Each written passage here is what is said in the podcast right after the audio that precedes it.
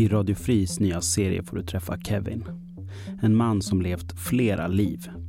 Han har varit affärsman med miljoner i företaget, levt på gatan, varit hemlös och missbrukare, mc-gängmedlem, utslagen missbrukare, inlåst på fängelse, sen utsläppt, drivit behandlingshem med hundratals platser och sen inlåst igen. Missbruket har följt honom som en röd tråd genom liven. Nu är han ute igen och försöker tänka tillbaka. I tre delar ska vi följa Kevin och drogerna. Jag kommer ihåg att jag singlade en slant. Jag hade en, eh, en jättefin Magnum 357 och en flaska whisky. Och jag singlade en slant om jag skulle sätta en kula i skallen eller börja dricka en. För jag stod inte ut med hur, hur jag mådde. I första delen hörde vi om Kevins uppväxt, om mötet med drogerna och kriminaliteten. Om tonåren och hänget som övergick till vuxenliv och flykt. När vi lämnade honom hade han tagits in på anstalt för första gången. Men ord som Gud och tolvstegsmetoder skrämde honom. Och han flydde därifrån med två andra. Två som idag är döda. Vad gör man när man är eftersökt? Kevin, han lämnar landet och hamnar i Amsterdam. Så då bosatte jag mig där, började jobba där. Där jobbade jag lite som i dörren och sen jobbade jag åt att eh, typ stå vakt åt prostituerade på Red Light. Eh, och sälja knark. Eh, och tog allt, alla droger utom heroin. För det var det jag visste att jag kunde inte ta. Det höll ju såklart inte. Det slutade också med att jag kom tillbaka till Sverige. Och missbruket eskalerar ganska kraftigt igen. Det blev mer ett missbruk där det är medvetet mot min vilja.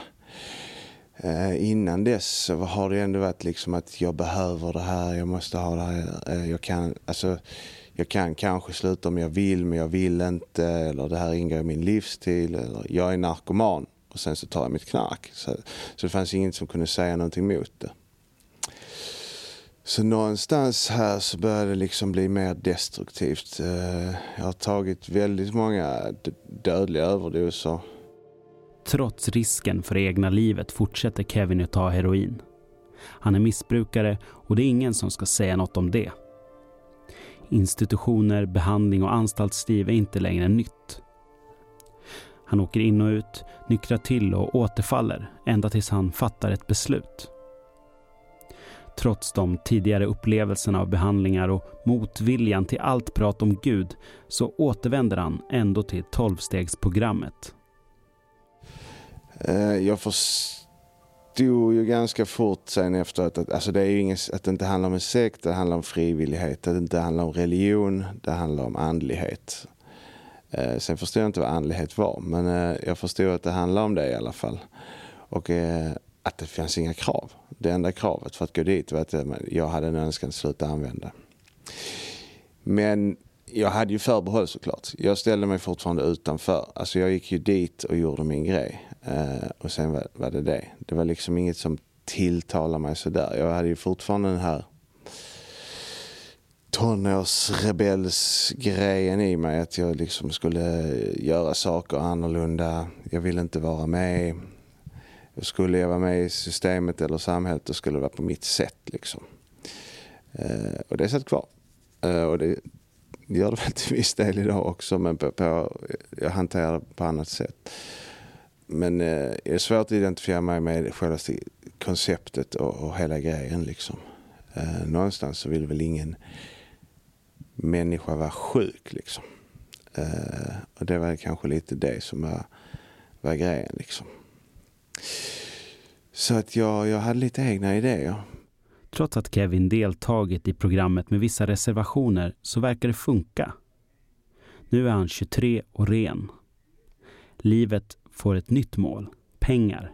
Någonstans så satte jag väl upp liksom saker, mål som inte var, hade så mycket, alltså mål för, för mig själv som hade typ, man behöver tjäna pengar. Jag ska tjäna en miljon, det är mitt mål. Och ja, det började jag med. Så jag började i internet var, alltså det var inte jättenytt, men det var ganska nytt med import, export. Jag började importera saker från Kina. Jag började syssla med eh, allt möjligt. konst, böcker. nischa mig inom olika branscher, starta upp företag, eh, innovationer som inte fanns i Sverige, titta mycket på USA, Frankrike eh, och sen tillverka produkter i Kina. Och det gick ganska fort. Eh, jag, jag är självlärd så jag köpte böcker och läste hur ska jag göra och sen så gjorde jag det. Och lärde mig kringgå systemet och reglerna helt enkelt utan att egentligen bryta mot dem. Utan jag tittade bara hur gör alla andra. Det tog några år så hade jag uppnått mitt första mål. Han träffar en tjej som blir hans fru. Blir verksamhetschef på ett stort företag vid sidan av sina egna business. Plötsligt har han allt. Men det är ändå något som skaver. Rastlösheten. Han dras mot mer organiserad kriminalitet. Ja, jag hade, mycket, hade allt det där som, som man pratar om. Jag hade bilar, pengar, eh, vacker fru, eh, ett hus, kunde åka på semester. Och väldigt mycket så här, den här friheten. Det var ingen som styrde över mig. Kunde göra lite vad jag vill. Jag hade, kommer ihåg jag fick eh, American Express, typ platina. Man kunde handla för 10 miljoner eller någonting. Så här. Det var ganska det gick ganska fort, det gick nästan lite löjligt enkelt också eh, att göra det. Men det var en liten utmaning att, att, att kringgå systemet. Eh, att lära mig eh, hur, hur gör jag för att, att tvätta pengar, hur gör jag för att eh, undgå att betala skatt, hur gör jag för, alltså alla de här bitarna. Och sen, sen så tycker jag om att bygga saker så, och få vara med och, och skapa mer. Och, som sagt, grundstommen fanns ju kvar i mig. Att jag vill inte vara med i samhället. Uh, så att, och de här, där, I mitt umgänge det var ju liksom folk som öppet stod utanför samhället. Men den här utmaningen räcker inte. Han hittar andra mer likasinnade. Andra som vill stå helt utanför samhället. Han hittar hem i ett mc-gäng. Men vi har väl någonting gemensamt alla vi vi har väl en vilja efter mer, i alla fall jag. En vilja efter förändring, en vilja efter... Eh, det här låter väldigt skumt, men en vilja efter rättvisa. Eh, jag tycker fortfarande att systemet är fucked up på, alla sätt och vis eh, och att det inte finns någon riktig rättvisa. Under all den här tiden fortsätter Kevin att hålla sig fri från droger. Jag är helt ren och kommer vara det i ganska många år dricker inte ens lättöl eller cider. Eh, så att jag är ren från allting. Och det var ju en styrka. Det är ju en styrka där också i det, i det lite...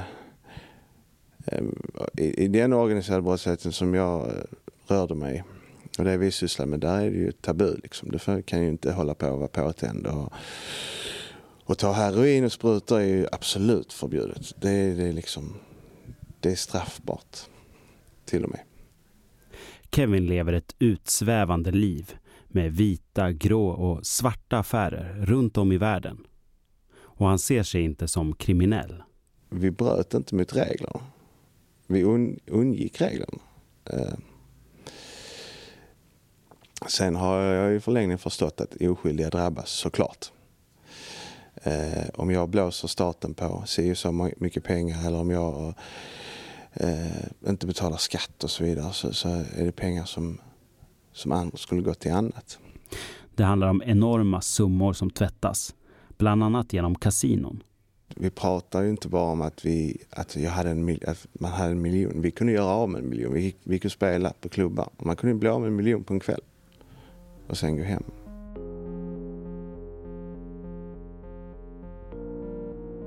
Jag levde ett dubbelliv för min fru.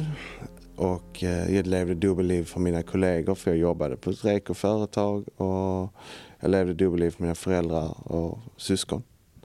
Utåt sett så var jag bara en eh, framgångsrik företagare. Eh, jag gick på dagis med min, mitt första barn och skolade in henne och, och sådana här grejer. Bodde i en ganska alldaglig villa, sen såg det väl kanske annorlunda ut inuti villan än och runt omkring. Det kanske inte så normalt att ha mur och säkerhetskameror runt omkring, inte på den tiden i alla fall. Spelandet ger honom kickarna han behöver. Men dubbellivet varar inte för evigt. Jag förlorade... Min fru kom och sa till mig, du förlorar 1,6 miljoner i en hand. Eh, bara på en knapptryckning. Och egentligen så brydde jag mig inte då. Men samtidigt så Så någonstans så bara tittade jag så här, fan håller jag på med? Så jag slutade med spelet, tristessen kom tillbaka. Um, var inte nöjd fast jag hade barn, familj, massor med företagande. Jag hade kunnat sluta med allt och bara lagt mig på en strand vid detta laget. Jag hade inte behövt göra mer. Allting var ganska självgående. Trots att han kan dra sig tillbaka så gör han inte det utan tvärtom lägger han nu ännu mer tid på allt som inte har med familjen att göra. Det knakade lite där hemma i mitt liv där hemma. Eh, vi bråkade mycket, jag var borta mycket. Jag jobbade på dagarna, kom hem, jag tog inte hand om mina barn. Eller jag hade bara ett barn då. Eh, sen var jag iväg på kvällarna. Det var olika möten, affärsuppgörelser eller kriminella uppgörelser. Sen var det spelklubbar på kvällarna. Ehm, även om jag inte spelade så hade jag ändå var jag där mycket av andra anledningar. Det är inte bara lugnet i hemmet som hotas. Den kriminella verksamheten, som hittills har känts stabil, gör inte det längre. Gängets självklara plats i den undre världens hierarki utmanas. Konflikterna leder till att personer i hans närhet dör eller hamnar i fängelse. Även Kevin utsätts för ett mordförsök. Pressen är enorm. Eh, jag kommer ihåg att jag singlade en slant. Jag hade en, eh, en jättefin Magnum 357 och en flaska whisky. Och jag singlade en slant om jag skulle sätta en kula i skallen eller börja dricka. För jag stod inte ut med hur, hur jag mådde. Eh, det slutade med att jag drack en flaska whisky. Jag vaknade upp dagen efter. Det hände inte så mycket. Jag var bakfull. Jag hade spenderat väldigt mycket pengar på spel och det hade blivit splittringar i, i mina vänskapskretsar och andra kretsar. Och I detta så började jag sakta men säkert dricka, började använda gräs och sen började jag använda kokain. Eh, det har aldrig varit min grej, kokain, så jag tänkte det kan man använda. Det var också okej okay, i de här kretsarna.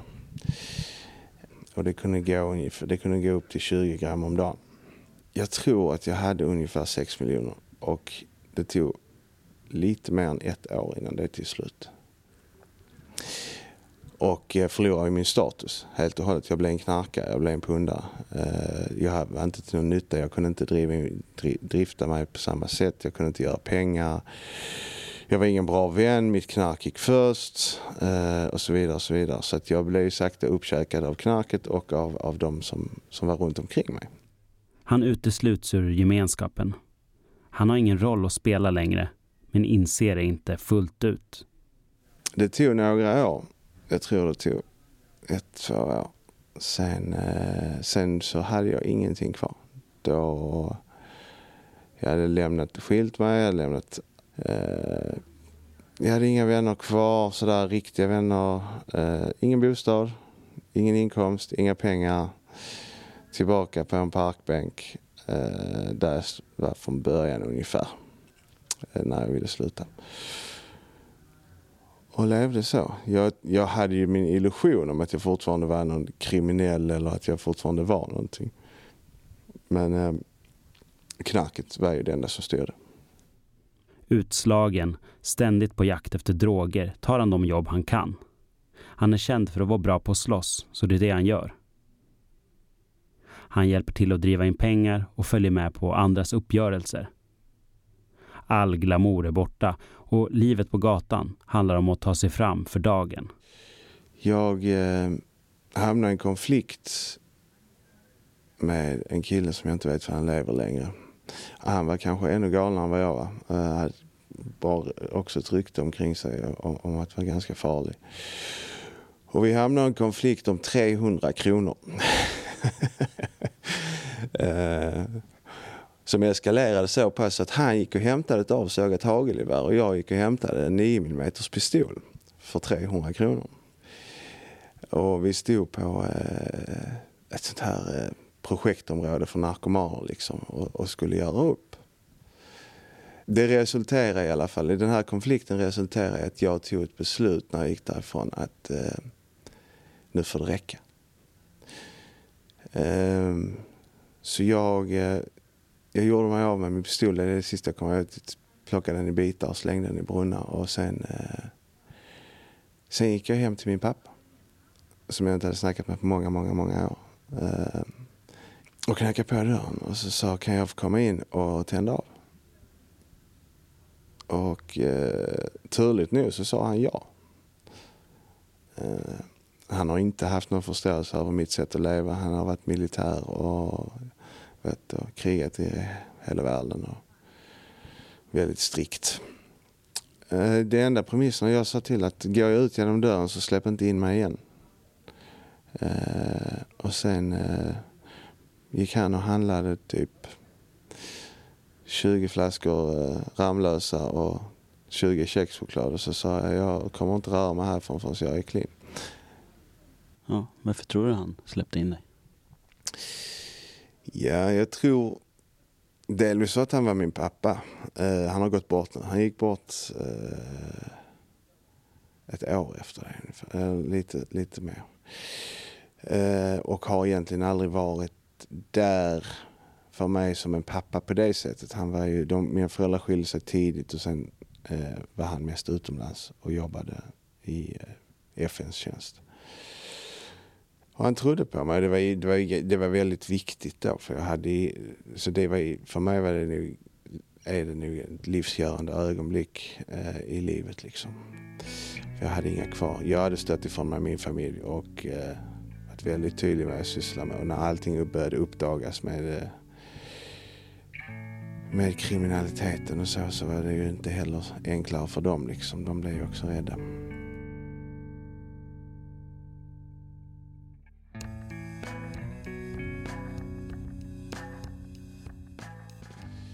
Eh, under de veckorna som jag var där, under tiden som jag var där så fick jag också, vi lära känna varandra på nytt. Så att det, under min avtändning så finns det ju, det var väldigt fint. Det, det är ett, eh, för mig så var det en möjlighet att få en påbörjan och ett avslut. Jag, jag kände när min pappa dog, vilket var kort därefter, att vi hade fått gå igenom allt vi behövde gå igenom. Även min eh, fråga kring var han var när jag växte upp. Även om jag inte skuldbelade honom för att det fanns det var normalt för mig. Så det fanns ingenting att skuldbelägga. Jag visste inte vad jag skulle jämföra med. Jag skuldbelägger honom inte idag heller. Eh, eh, och jag, jag, hade ju, jag valde ju liksom att vända mig till tolvstegslitteratur. Och han satte sig in i det och visade en delaktighet och försökte få en förståelse. För att innan hade det varit bara, jag fattar inte vad du sysslar med. Du är en idiot. Dra. Varför sabbar du ditt liv? Det som hände var ju att min, eh, min, resten av familjen blev ju ovän med min pappa i det här. De, eh, och de var ovänner när han gick bort också. Eh, på grund av att han släppte in mig.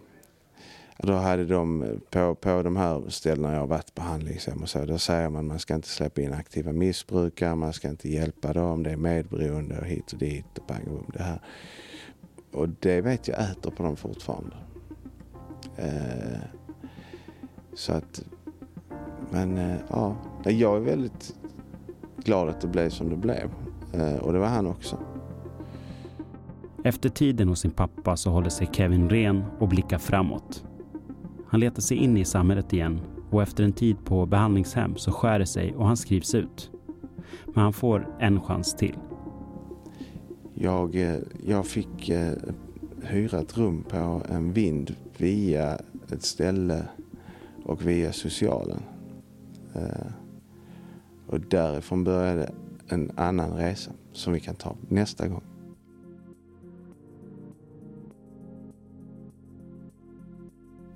Du har hört andra delen av Kevins extra liv. Producenter var Marcus Morey Haldin och Nadja Ben Belgasem för Radio Fri. Ett projekt från mediehuset Fanzingo.